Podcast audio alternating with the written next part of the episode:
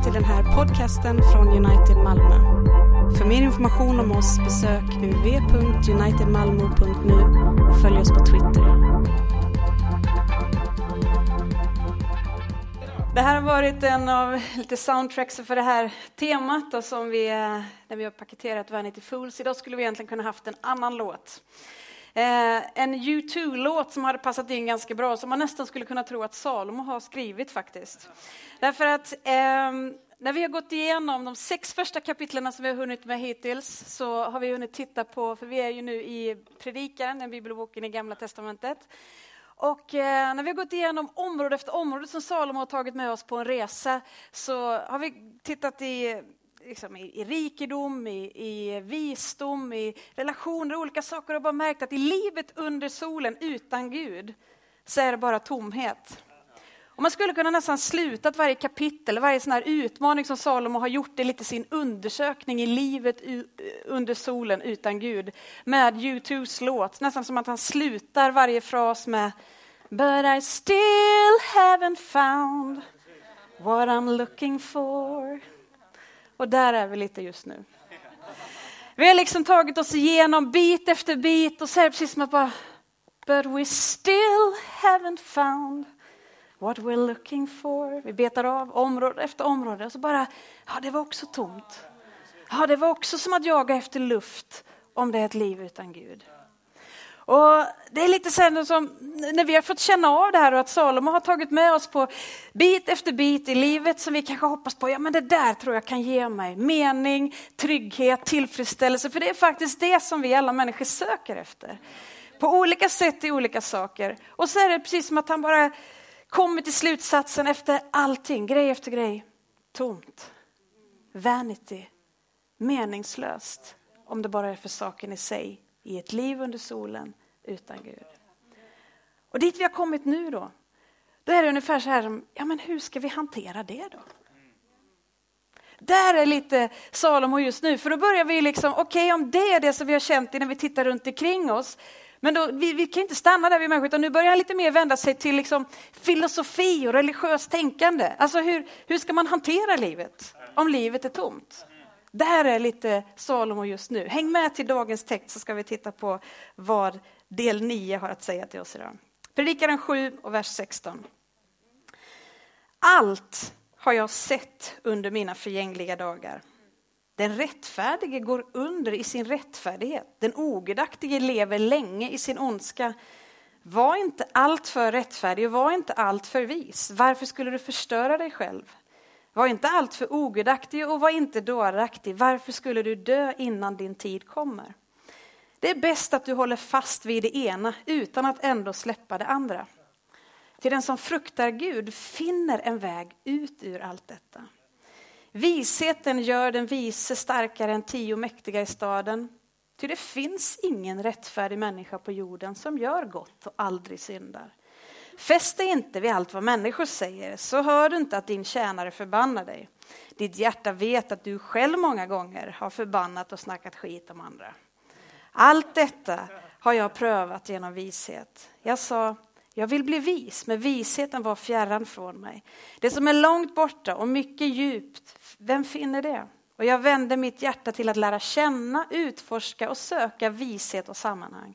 Jag ville förstå att ogudaktighet är dårskap och dåraktighet en galenskap och jag fann bittrare än döden är den kvinna vars hjärta är som snaror och nät, vars händer är som bojor. Den som är god inför Gud undgår henne men syndaren fångas av henne. Se detta fann jag, säger predikaren, när jag la det ena till det andra för att få sammanhang, något som min själ ännu söker But I still haven't found what I'm looking for. En enda man bland tusen har jag funnit, men en kvinna bland alla dessa har jag ej funnit. Se, endast detta har jag funnit, att Gud skapade människorna rättsinniga, men sedan har de tänkt ut många onda planer. Ge mig några minuter ska vi försöka gå igenom den här texten tillsammans. För kanske du tyckte att det var många konstiga ord i den här texten. Vad har det med oss att göra? Flera tusen år senare. Men häng med. För det vi har sett, det är att Salomo som har skrivit den här boken, han har först beskrivit sin jakt på njutning. Sin jakt på att liksom finna den här tillfredsställelsen. Han har tittat på projekt, han har tittat på ägodelar, han har tittat på många olika saker. Och, och nu så vänder han sig istället till någon form av liksom filosofiskt tänkande och religiositet. För att på något sätt hitta någon form av spelregler att hålla sig till. Har ni märkt att vi är lite så här, det är lite obotligt religiösa allihopa. Oavsett om vi skulle kalla oss troende eller inte, så är det precis som att vi måste ha någonting att hålla oss till. Vi måste ha någon form av spelregler eller övertygelse eller någonting så att vi på något sätt kan säga så här att, att liksom hela vårt liv är någon form av självfrälsningsprojekt skulle man kunna säga. Och vi resonerar lite i stil med att, att eh, nej men, jag, jag förtjänar, jag kommer förtjäna ett riktigt bra liv om jag bara spelar mina kort rätt. Håll med om att vi är lite så allihopa. Vi tittar liksom på förutsättningarna och så tänker vi om jag bara gör vad jag kan, spelar mina kort rätt så förtjänar jag faktiskt ett bra liv. Och det är det jag menar med att vi är lite småreligiösa allihopa. Att vi vill någonstans försöka göra våra regler som vi tycker att om jag bara håller mig till dem så förtjänar jag väl. Eller? Och du kanske inte säger att du tror på Gud, men du har andra saker som du vänder dig till. Som på något sätt ska ge dig det där som du söker efter. Och vi försöker med olika vägar att hantera det här livet som vi lever i. För att på något sätt kunna kontrollera, hålla lite grepp och kunna hantera allting som vi möter.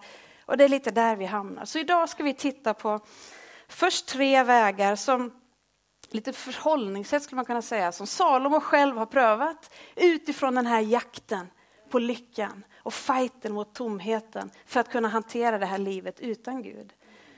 Men sen varnar han också för de här tre förhållningssätten och avslutar med att ge sin lite conclusion av vad han har kommit fram till och den väg som han tror är den väg som håller i detta. Så häng med. Det första, som, första sättet som vi tenderar att reagera det är att bli pessimisten. Vad läste vi? Vi läste i vers 16. Allt har jag sett under mina förgängliga dagar. Den rättfärdige går under i sin rättfärdighet och den ogudige lever länge i sin ondska. Alltså, det känns helt upp och ner. Vad, vad kan man hålla på? Den, den liksom, varför händer det så mycket bra saker mot dem de som är liksom onda, varför händer det en massa onda saker mot de som försöker göra rätt för sig? Och liksom det känns som att det finns ingen logik i det här livet. Liksom. Hur jag än försöker kontrollera, planera och göra mitt bästa så verkar det ändå inte bli som jag har tänkt. Och om man tittar från en vinkel så kan ju hela den här boken och det här temat kännas lite så här, det känns inte alls upplyftande. Det känns inte alls inspirerande. Kanske du har känt så. Varför håller vi på med den här prediken och bara talar varenda gång den här kommer? Liksom, allt är tomt, idel tomhet, liksom. Men, vanity, men. Så jag känner mig inte alls upplyft. Jag känner mig inte så inspirerad av, av, av, av, att höra det. Och kanske man är precis som, som sa de lite ställesvis, men, men vad är det som håller då? Och egentligen så tror jag inte att vi blir störda på att Salomo lyfter fram grej efter grej som, som lite tomt, utan jag tror att det jobbiga är att vi känner igen oss. Jag tror att det jobbiga är att vi känner igen oss av att vi, vi hoppas och strävar efter och längtar efter att det där ska ge mig den där tillfredsställelsen, den där kicken som jag söker. Men när jag kom fram så, mm, jag var inte nöjd. Jag var inte mätt. Jag behövde mer. Eller jag jagar vidare. Jag tror att det är det som lite gnager i oss. För det vi har sett, och det är där vi kanske hamnar i, blir lite så här örebroare allihopa. Det går aldrig. Alltså vi liksom bara tittar på livet och bara känner att det kommer aldrig gå. Vi, vi som bara möts av det här, liksom, ja men vad är det som håller då? Så det är lika bra, nej, jag blir skeptisk. För vad är det vi har gått igenom? Jag har tittat på, Salomo har tittat på det här med att jaga visdom. Men det är precis som att ju mer vi vet, ju svårare blir det att hantera. Det blir nästan bara mer komplicerat och ännu mer sorgligt. Du Vet hur bekymmersfritt livet var när man var barn? Man visste inte så mycket och man liksom tog stunden som det kom och brydde sig inte så mycket om de där räkningarna som låg i högen där vid skrivbordet och som föräldrarna hade. Man, man var mest liksom i nuet och i stunden och ju mer vi vet ju mer blir det nästan svårt att hantera. Varför hände det där dem? Varför skilde sig de nu helt plötsligt och varför blev de drabbade av det där? Vi jagar efter nöjen, projekt, ägodelar och, och vi liksom får en tillfällig kick. Du har liksom jagat efter den där prylen, den där upplevelsen så länge men när du väl har den så känns det bara tjoff, så gick det upp, Och så bara man vill ha mer, man blir inte nöjd, man blir inte tillfredsställd. Vi jagar efter trygghet, försöker kontrollera våra liv. Kom igen nu kvinnor. Vi vill ha kontroll. Och vi strävar efter det, vi tänker att det är trygghet tills att bara upptäcka att det är så mycket saker jag inte kan kontrollera. På något sätt bara inse mer och mer att det är så mycket som vi är utom kontroll och det bara känns också bara tomt. Hur ska man hantera det? Då försöker vi istället att, ja men i alla fall, då kan jag väl jämföra mig med någon då. Jag tänker, ja, mitt liv är i alla fall bättre än hennes och lite mer än hans. Och, och så på något sätt få, få någon form av kick av det. Att, jo, men jag tittar inte på henne för då, då, då blir det jobbigt. Men jag tittar där, ja det känns bra liksom. Men det blir inte heller skönt. Det blir också bara liksom helt knepig känsla. Och vi jagar efter saker och saker. Och ja, vi skulle kunna hålla på länge och listan kan bli lång, men jag tror det är tillräckligt för att göra dig deprimerad och likgiltig pessimist. Och bara känna att ja, men vad jag än försöker och strävar efter, det går inte. Det blir liksom, jag når aldrig fram. Jag tror att det är här en del människor stannar. Och bara känner sig, jag har försökt så mycket, jag har strävat, jag har kämpat, jag har jagat. Ingenting verkar hålla. Det är precis som att det spelar ingen roll vad vi gör. Alla orättvisa och oförklarliga saker som händer i det här krokiga livet verkar helt omöjliga att räta ut. Saker som händer runt omkring oss som vi inte förstår, som inte har någon logik. Och vi bara känner varför? Och vi behöver egentligen bara titta oss runt i världen så förstår vi ganska fort att det är någonting som inte stämmer. Oavsett vad vi gör så verkar det som att det finns inget vi kan göra för att få rätt på det. Det är så det kan kännas. Och jag tror att man kan känna, vad är poängen? Om man nästan ger upp.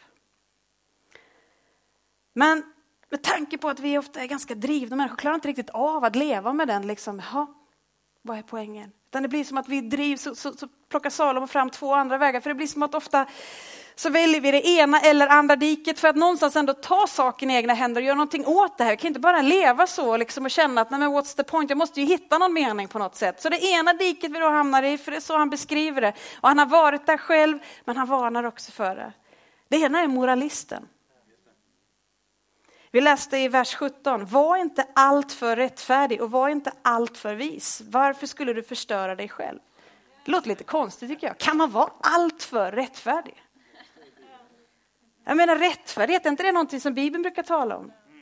Jo, men den talar om en rättfärdighet ifrån Gud. Det här talar om en rättfärdighet när vi själva försöker ta saken i egna händer och försöker tro att vi måste göra oss rättfärdiga, tro att vi måste leva upp till förhållningsregler och få ordning på vårt liv så att vi har kontroll. Och egentligen så menar vi nästan lite så här att vi försöker liksom ta, ta lite så här eh, bakgrepp om Gud och liksom tycker att han, han är skyldig oss. Om vi gör det här och det här och det här, Gud, då förtjänar jag faktiskt ett bra liv. Så vi vill egentligen kontrollera vårt eget öde genom att på något sätt sätta upp förhållningsregler eller andra saker eller försöka sköta oss och leva på ett visst sätt. En självrättfärdighet. Egentligen en överdos av religiositet och lagiskhet där vi försöker manipulera Gud. T.S. Eliot han sa så här, the greatest temptation of all is to do the right thing for the wrong reason försöker göra goda saker för att uppnå någonting. Och Jesus han var alltid i fight med de religiösa och självrättfärdiga attityderna. Och vi ska titta på, du kanske menar, vad, vad menas med det här med att vara självrättfärdig? Ja, här är ett exempel på hur det kan ta sig uttryck i Lukas evangelium 18, när Jesus själv berättar ett exempel. Han säger så här, för några som var säkra på att de själva var rättfärdiga och som föraktade andra. Hör ni bara redan där, attityderna, vad som händer när man liksom jobbar på sig själv. Man, man, är säker på sin egen, man är upptagen av att det ska bli bra för mig och bara föraktar sig ner på andra. För dem så berättade Jesus också denna liknelse. Två män gick upp till templet för att be. Den ene var farisé och den andra publikan. Farisén stod och bad för sig själv. Gud, jag tackar dig för att jag inte är som andra människor. Rånare, brottslingar, äktenskapsbrytare eller som den där publikanen. Jag, jag fastar två gånger i veckan. Jag ger tionde av allt jag tjänar. Publikanen stod långt borta, vågade inte ens lyfta blicken mot himlen utan slog sig för bröstet och bad. Gud, var nådig mot mig, syndare. Jag säger det, säger Jesus. Han gick hem rättfärdig, inte den andra. Till var och en som upphöjer sig ska bli förödmjukad, men den som ödmjukar sig ska bli upphöjd. Vet du vad som är problemet med moralist och religiositet när vi ska ta saken i egna händer? Vi hamnar i lägen. Antingen så tycker vi att vi lyckas och då blir vi lite så här som ser ner på alla andra och förstår inte varför de inte får till det. Eller så blir vi missmodiga och tänker jag klarar aldrig av att leva som han.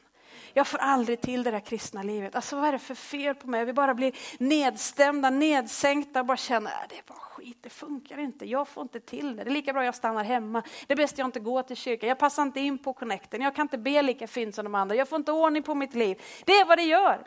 Antingen någon form av kaxighet mot andra eller någon form av missmod. Och mellanvägen kan ibland bli någon form av hyckleri när man liksom försöker hålla uppe det men, men känna sig själv på insidan. Och det liksom i bästa fall det som kan hända när vi försöker välja den här vägen, det är att vi på något sätt får till någon slags yttre förhållningssätt där det kan se väldigt bra ut på ytan. Men väldigt snabbt så blir vi avslöjade av oss själva för att vi vet hur det egentligen är. Det har varit min kamp så många gånger. Jag har trott att det förväntas av mig, både inför andra människor och inför Gud. Att jag borde vara på ett visst sätt. Så jag har kämpat, tänkt att det gäller att hålla ligga i här alltså. Att vara duktig flicka. Att liksom, redan sedan jag var barn så något kämpa. Det låg i mig att liksom jag förväntade sig att man skulle vara på ett visst sätt. Så jag försökte få bra betyg i skolan, försökte sköta mig hemma, försökte, jag vågade inte misslyckas för jag, inte, jag, visste inte vad som skulle bli konsekvenserna. Så jag kämpade på och försökte vara glad och trevlig. Och liksom I kristna mått mätt så var det säkert liksom poäng på mycket. Liksom. Och många från, ytter från sidan skulle säkert kunna säga så här, åh, vilket fint föredöme du är Sara. Du sjunger i kören, du leder barnkören, du jobbar på kaféer, du är på missionsresor och du gör massa fina saker. Och på utsidan kan det se så fint ut och vara så ett fint kristet exempel. Men jag vet vilken kamp jag har haft på min insida. Av den som jag egentligen är. Därför att för mig har det ofta varit så att när jag väl ska vara mig själv. Du vet, när jag är hemma. Den jag är när det bara är jag, eller kanske de närmaste. Och vet vilka tankar jag sliter med, vilka begär jag sliter med, vilka attityder jag sliter med, vilka motiv jag sliter med. Då känner jag att det blir som glapp ibland mellan den här bilden jag försöker hålla uppe mot den jag egentligen är. Och det är det som blir vårt problem. Att då tycker vi liksom, ja men jag måste ju få vara mig själv någonstans. Så jag liksom slänger mig på soffan och tycker jag har rätt att skälla på min man och gnälla på mina barn och liksom få ut det här. Liksom jag har ju hållit upp, jag har ju varit glad och trevlig nu hela dagen och varit generös och inkluderande och, och liksom sådär som man ska vara. Kan jag inte få vara mig själv någonstans? Så bara inser man, är, är det sån jag är? När jag är mig själv. Och det är då, jag kanske inte alltid, jag överdriver lite nu för att få, inte så mycket men lite, för att bara få er att fatta poängen. Men, men jag tror att, därför att jag också brottats med att till och med när jag gör bra saker så gör jag det så ofta med fel motiv. Och det är det jag känner jag sliter med. Jag tror att det förväntas någonting, att man ska vara på ett visst sätt och på något sätt tjäna in några poäng och för att kunna hantera den här tomheten och känna att jag fylls med någon slags mening, för jag är väl någon, eller? Är jag någon nu? Blir det här bra? Tycker ni det här är bra? Applåderar ni mig? Gör jag, alltså, fast egentligen så drivs jag bara av en form av osäkerhet som behöver, som behöver mättas.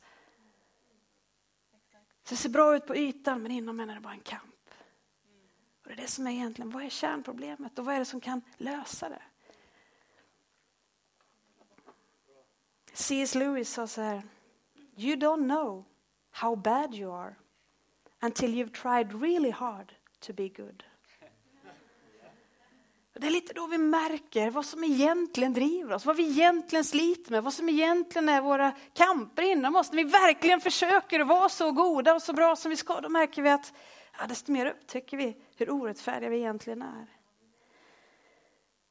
Och det är det som är Bibelns budskap, att bli rättfärdig, alltså att få en rätt ställning inför Gud. Det är det som det talas om. Det är inget vi kan förtjäna. Det är inget vi kan nå genom egen ansträngning. Det är därför inte ens ett alternativ att gå den vägen. Och det är det som är de goda nyheterna, evangelium, det är att vi istället har blivit förklarade rättfärdiga bara på grund av nåd, alltså något vi inte kan förtjäna, på grund av tro alena, i Kristus alena. Och det här har många av oss hört så många gånger så vi nästan liksom inte kan ta det till oss. Vi bara, ja, ja, ja. Men i praktiken så sliter vi ändå med att oh, om jag bara borde och jag förtjänar inte. Varför förtjänar? Äh? Av nåd alena. Genom tro alena. På Kristus alena. Paulus uttrycker också det. Han var också en elitmoralist innan han blev frälst. Superreligiös. Och liksom hade topp, topp på liksom listan av vad man skulle vara i religiösa mått. Tills han fick förstå vad Gud har gjort för oss. Han skrev så här i Filipperbrevet 3 vers 4. Ja, om någon menar att han kan förlita sig på yttre ting så kan jag det ännu mer. Jag som blev omskuren på åttonde dagen och som är av Israels folk och Benjamins stam, en hebré född av hebreer. Jag som i fråga om lagen var en farisé, i fråga om iver en förföljare av församlingen, i fråga om rättfärdighet den som vinns genom lagen, en oklanderlig man. Men allt det som var en vinst för mig räknar jag nu som förlust för Kristi skull. Jag räknar allt som förlust därför att jag har funnit det som är långt mer värt, kunskapen om Kristus Jesus min Herre. För hans skull har jag förlorat allt och räknar det som avskräde för att jag ska vinna Kristus och bli funnen i honom. Inte med min egen rättfärdighet, den som kommer av lagen, utan med den som kommer genom tro på Kristus, rättfärdigheten från Gud genom tron. Och det här är ett budskap som Salomo bara får vara med och tala, får använda Salomos ord rakt in i vår situation idag. Att vet du vad, till och med att bara gå till kyrkan, att försöka leva ett fint liv kan bli så tomt. Om det ligger i oss från form av strävan att fylla den här tomheten. Istället för att vi får bara låta honom fylla oss med sin rättfärdighet. Så därför så dissa Salomo den här vägen. Att vara inte allt för rättfärdig, var inte allt för vis. Det är inte det som är att vi ska försöka finna den i oss själva. Och ibland kanske när vi har varit i det ena diket, vi är ju lätt dikeskörare, så kastar vi oss snabbt över i andra diket som blir hedonisten. Eller kanske är det som andra, vi har, antingen har det varit båda eller du känner igen det ena eller det andra. Predikaren vers, kapitel 7, vers 18. Var inte heller allt för ogudaktig och var inte dåraktig. Varför skulle du dö innan din tid kommer? Därför att det, det här handlar istället om att varför ska några religiösa regler styra mig? Varför ska jag ha några förhållningssätt? Istället släpp dem fria, jag vill göra det jag känner för. Nu om det är så att livet på något sätt är kort, det är tomt, det är meningslöst, då gäller det bara att få ut maximal njutning av den tid som vi har. Så att egentligen, man skulle kunna säga det här på engelska, allt för ogudaktiga, overwicked, det skulle man kunna säga egentligen svart bälte i att synda. Alltså att på något sätt bryta alla regler som bara finns för att bara släppa fram alla begär, all, bara följa allting som du bara känner, det här kan ge mig njutning nu, jag ska ha det. Maximera njutning, minimera smärta. Tanken är egentligen att alla, utifrån det, att alla människor har rätt att göra allt i deras makt för att uppnå, uppnå största möjliga njutning för dem. Enkelt uttryckt så skulle man kunna säga att man menar att ingenting är fel om det bara får dig att må bra finns inget som är absoluta sanningar, allt är relativt. Vad som är rätt för dig, det kan vara fel för mig. Och synd, ja, det är bara en uppfinning som kyrkan har kommit på för att kontrollera människors liv och begränsa människor. Vi lever ju bara en gång, så se till att njuta av det och ta alla njutningar du kan. Och det kan låta bra. Det kan låta så tolerant, det kan låta säga, ja men ingenting, det som är rätt för dig, gör det. Och kortsiktigt så kan det ju precis ge den njutning som man söker. Men man tänker inte alltid på vad det faktiskt ger för konsekvenser i det långa loppet, när det gäller relationer, när det gäller förhållanden, när det gäller det som kan låta så tolerant, det är totalt intolerant mot alla andra som tycker någonting precis tvärtom. Och man missar, för att man inte tror på synden och tror därför inte på dess effekter som det faktiskt har, av att synd faktiskt har en konsekvens i våra liv. Att du vet, det är ungefär som att stå i en kassa, egentligen inte ha pengarna, men du har ett kreditkort.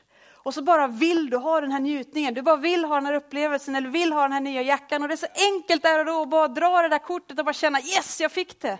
Men det kommer alltid en räkning efteråt. Och det är det som är livet i den riktningen att man kanske tänker, ja men skit i alla konsekvenser, livet är här och nu, jag vill ha maximal njutning nu. Men det är därför Bibeln bara uppmanar och säger, ja men det, det funkar inte så. Utan synd är allvarligt. Synd gör dig sjuk. Synd saboterar din själ.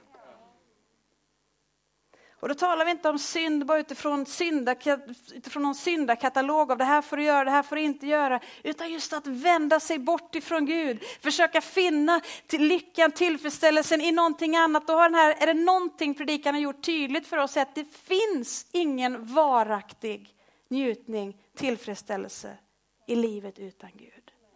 Kortsiktigt, yes. Långsiktigt, tomhet, jakt, konsekvenser. Det är ungefär som att någon har sagt just det med synden, att ja, men det är nästan, nästan som det här du vet när du var liten och du var så extremt kissnödig.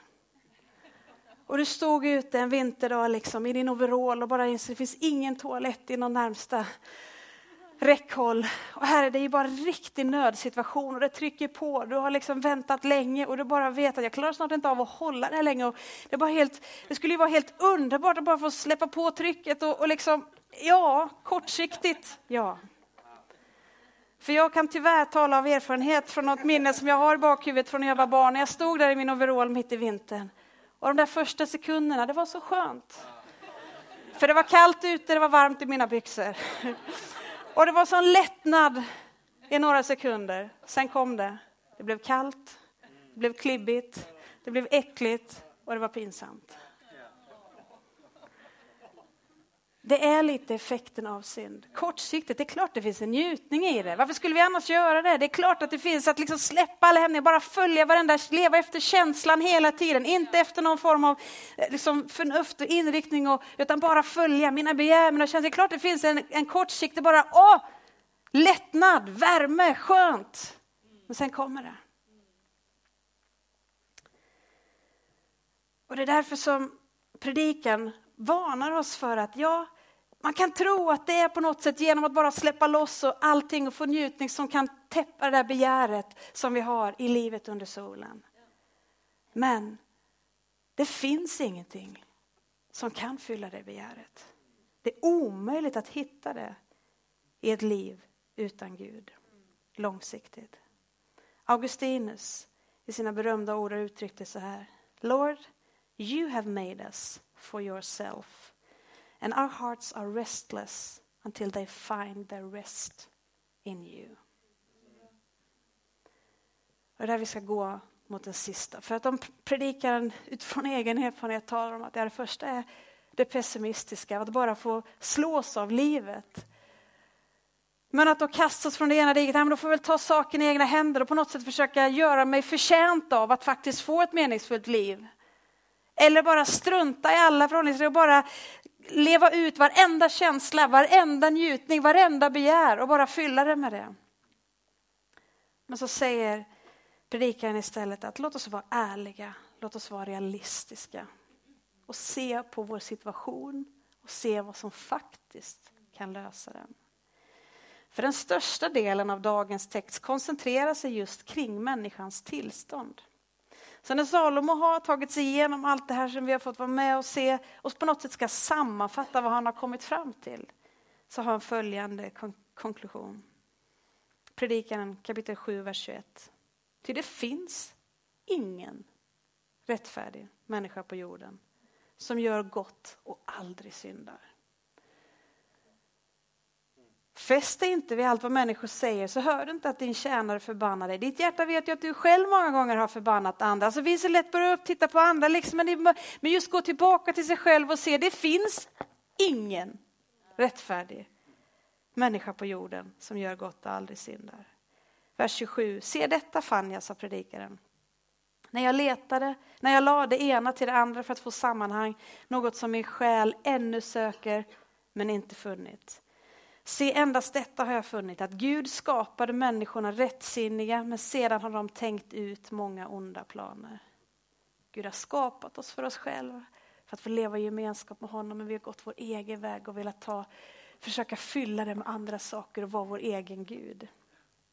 Problemet med det är att de avgudarna aldrig kommer leverera vad de lovar. Vi vänder oss till andra saker för de ser så hoppingivande ut och det ser så bra ut och Gud bara någonstans vet, och står och tittar och säger ja, du kan försöka med det, du kan försöka med det. Problemet är att de alltid overpromise and underdeliver, de levererar aldrig det som de lovar. Men det som du söker är det som jag vill vara med och ge dig. Och Salomo tar oss därför direkt till vårt problem, att det här med att vi, är synd, att vi gör synd, ja det är för att vi är syndare. Och kanske du känner sig, ja men nu har vi först talat om all tomhet och allt som är meningslöst och så kommer jag till kyrkan och så får jag höra att jag är en syndare, när ska jag få goda nyheter? Alltså det är inte därför jag kommer hit, för att få höra om allt meningslöst, allt tomt, men faktum är att om vi får en sund förklaring för hur det här hänger ihop så hjälper det oss att förstå vår situation förstå när vi tittar runt omkring oss. För ibland så har vi som kyrka försökt komma med en lösning på ett problem som vi inte förstår att vi har. Jesus vill frälsa dig. Jaha, vad bra. Från vad då? Jesus är svaret. Ja, vad är frågan? Och Det är just det, att om inte vi få hjälp genom Guds ord att få inse vad det är som faktiskt är vårt problem. Varför känner vi oss inte nöjda ju mer prylar vi får? Varför känner vi oss inte tillfredsställda med bara ytterligare en utbildning? Varför känner vi oss bara eh, liksom tomt efter vi har provat en relation till och det och det? Varför är vi så? Vad är det som är fel med mänskligheten? Ja, men gå en utbildning till. Nej, men köp en ny bil. Nej, men byt upp telefonen, det kommer nog ordna sig ska du se. Starta ett företag till. Vi försöker hjälpa varandra. Men vi inser inte grundproblemet. Att vi har vänt oss bort ifrån den guden som bara längtar efter att få fylla oss med sin godhet, med sitt liv och med sin kärlek. Och det är inte förrän vi får smaka på den tomheten som vi faktiskt förstår varför vi behöver Gud. Det är inte så att vi bara samlas här en söndag för att vi inte har något bättre för oss. Eller vi råkar vara lite religiöst lagda, tycker om att sjunga lite tillsammans och sitta still en timme. Utan vet du vad, det vi talar om här utifrån Guds ord, det handlar faktiskt om liv och död. Alltså det handlar om vårt inre, det handlar om livets mening, det handlar om vad som faktiskt kan fylla den tomheten som hela mänskligheten sliter med. Men vi alla hittar våra olika vägar för att försöka fylla den där. Och Bibelns budskap är tydligt. Vi sitter alla i samma båt. Hela mänskligheten har vänt sig bort ifrån Gud. Salomo säger, det finns inte en enda människa, det är inte så att du känner dig lite sämre i jämförelse med någon annan, utan det finns ingen människa som kan leva upp till Guds standard. Och det finns ingen av oss som själva söker honom heller, men han har gjort någonting för oss. För att han har skapat oss, för att han längtar efter att få leda oss, för att han längtar efter att få ge oss av sitt liv. Paulus tar också upp det här problemet med vårt tillstånd i Nya Testamentet, i Romarbrevet kapitel 3. Vi ska alldeles strax avsluta. Vers 9. Hur är det då? Har vi något företräde?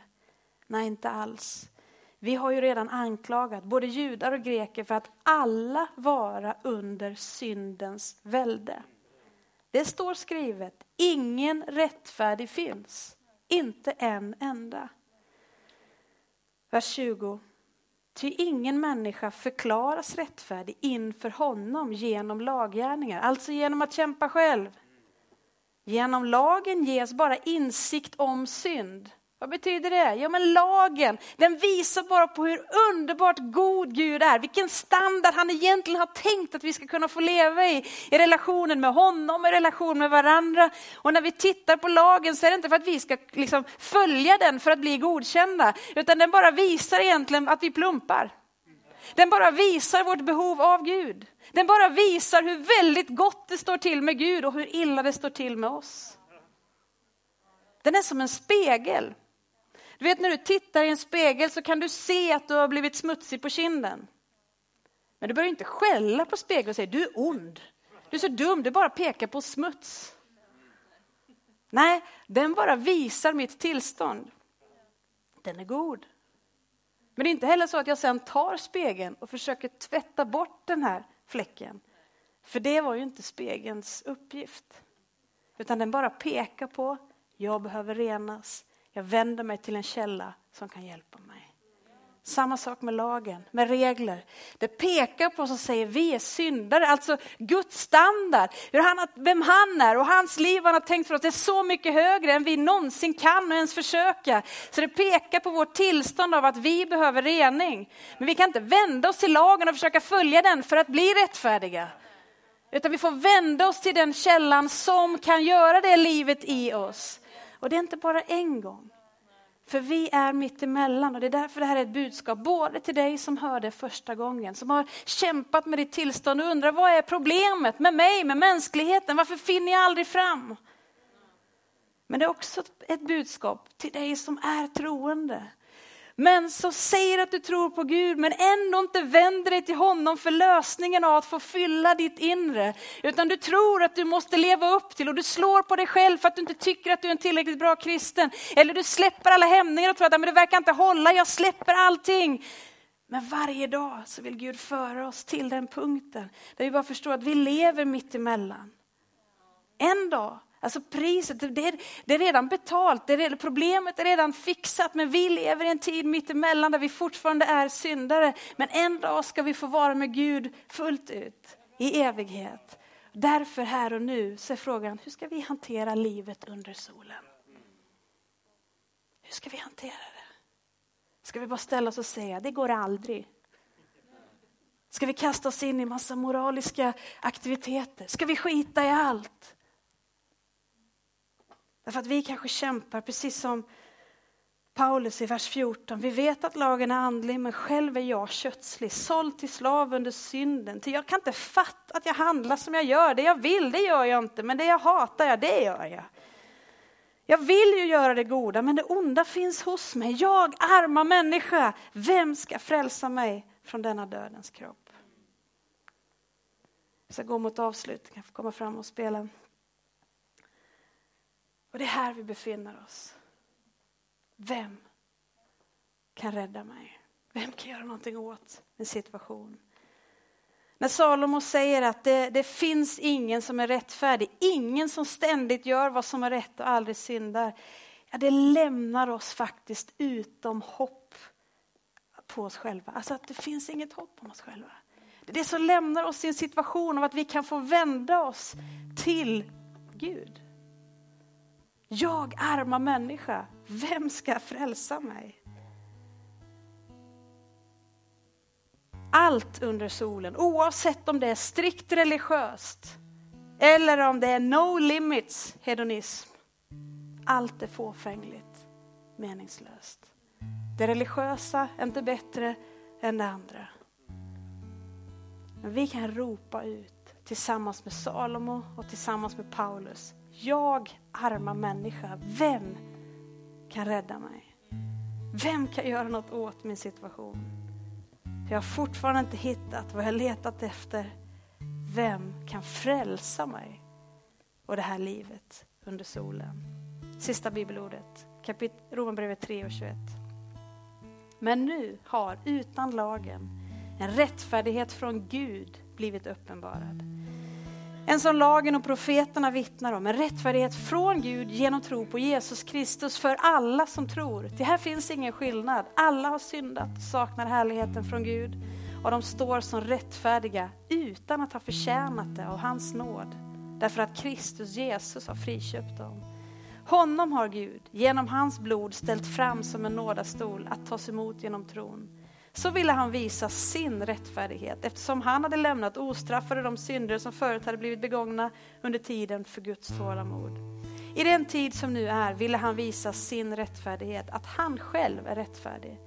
När han förklarar den rättfärdig som tror på Jesus. Men vad kan vi då berömma oss av? Allt beröm är uteslutet. Genom vilken regel? Genom gärningarnas? Nej, genom trons regel. Vi hävdar att människan förklaras rättfärdig genom tro utan laggärningar. Predikaren är satt som en bok mitt i Bibeln för att hjälpa oss att förstå vilka vi är i ett liv under solen utan Gud. Och den rättfärdighet som vi strävar efter finns inte genom egen prestation eller genom att släppa alla gränser utan Gud är rättfärdig. Och hans rättfärdighet kommer oss till del när vi vänder oss till honom. Vi kan göra det här och nu. Du kan göra det för första gången, du kan göra det för hundrade gången. Bara inse, Gud, jag är en syndare. Du är min rättfärdighet.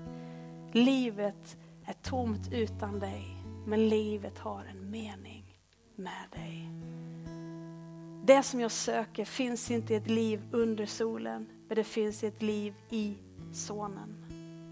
Det är han som är vår kärna, vår stjärna.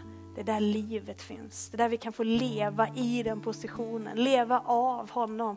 Veta att Jesus, det jag är, det är jag i dig. Det jag har, det har jag i dig. Det är ett budskap om räddning, det är ett budskap om mening, det är ett budskap om trygghet, det är ett budskap om hopp. Det är goda nyheter. Det är evangelium. Ska vi be tillsammans?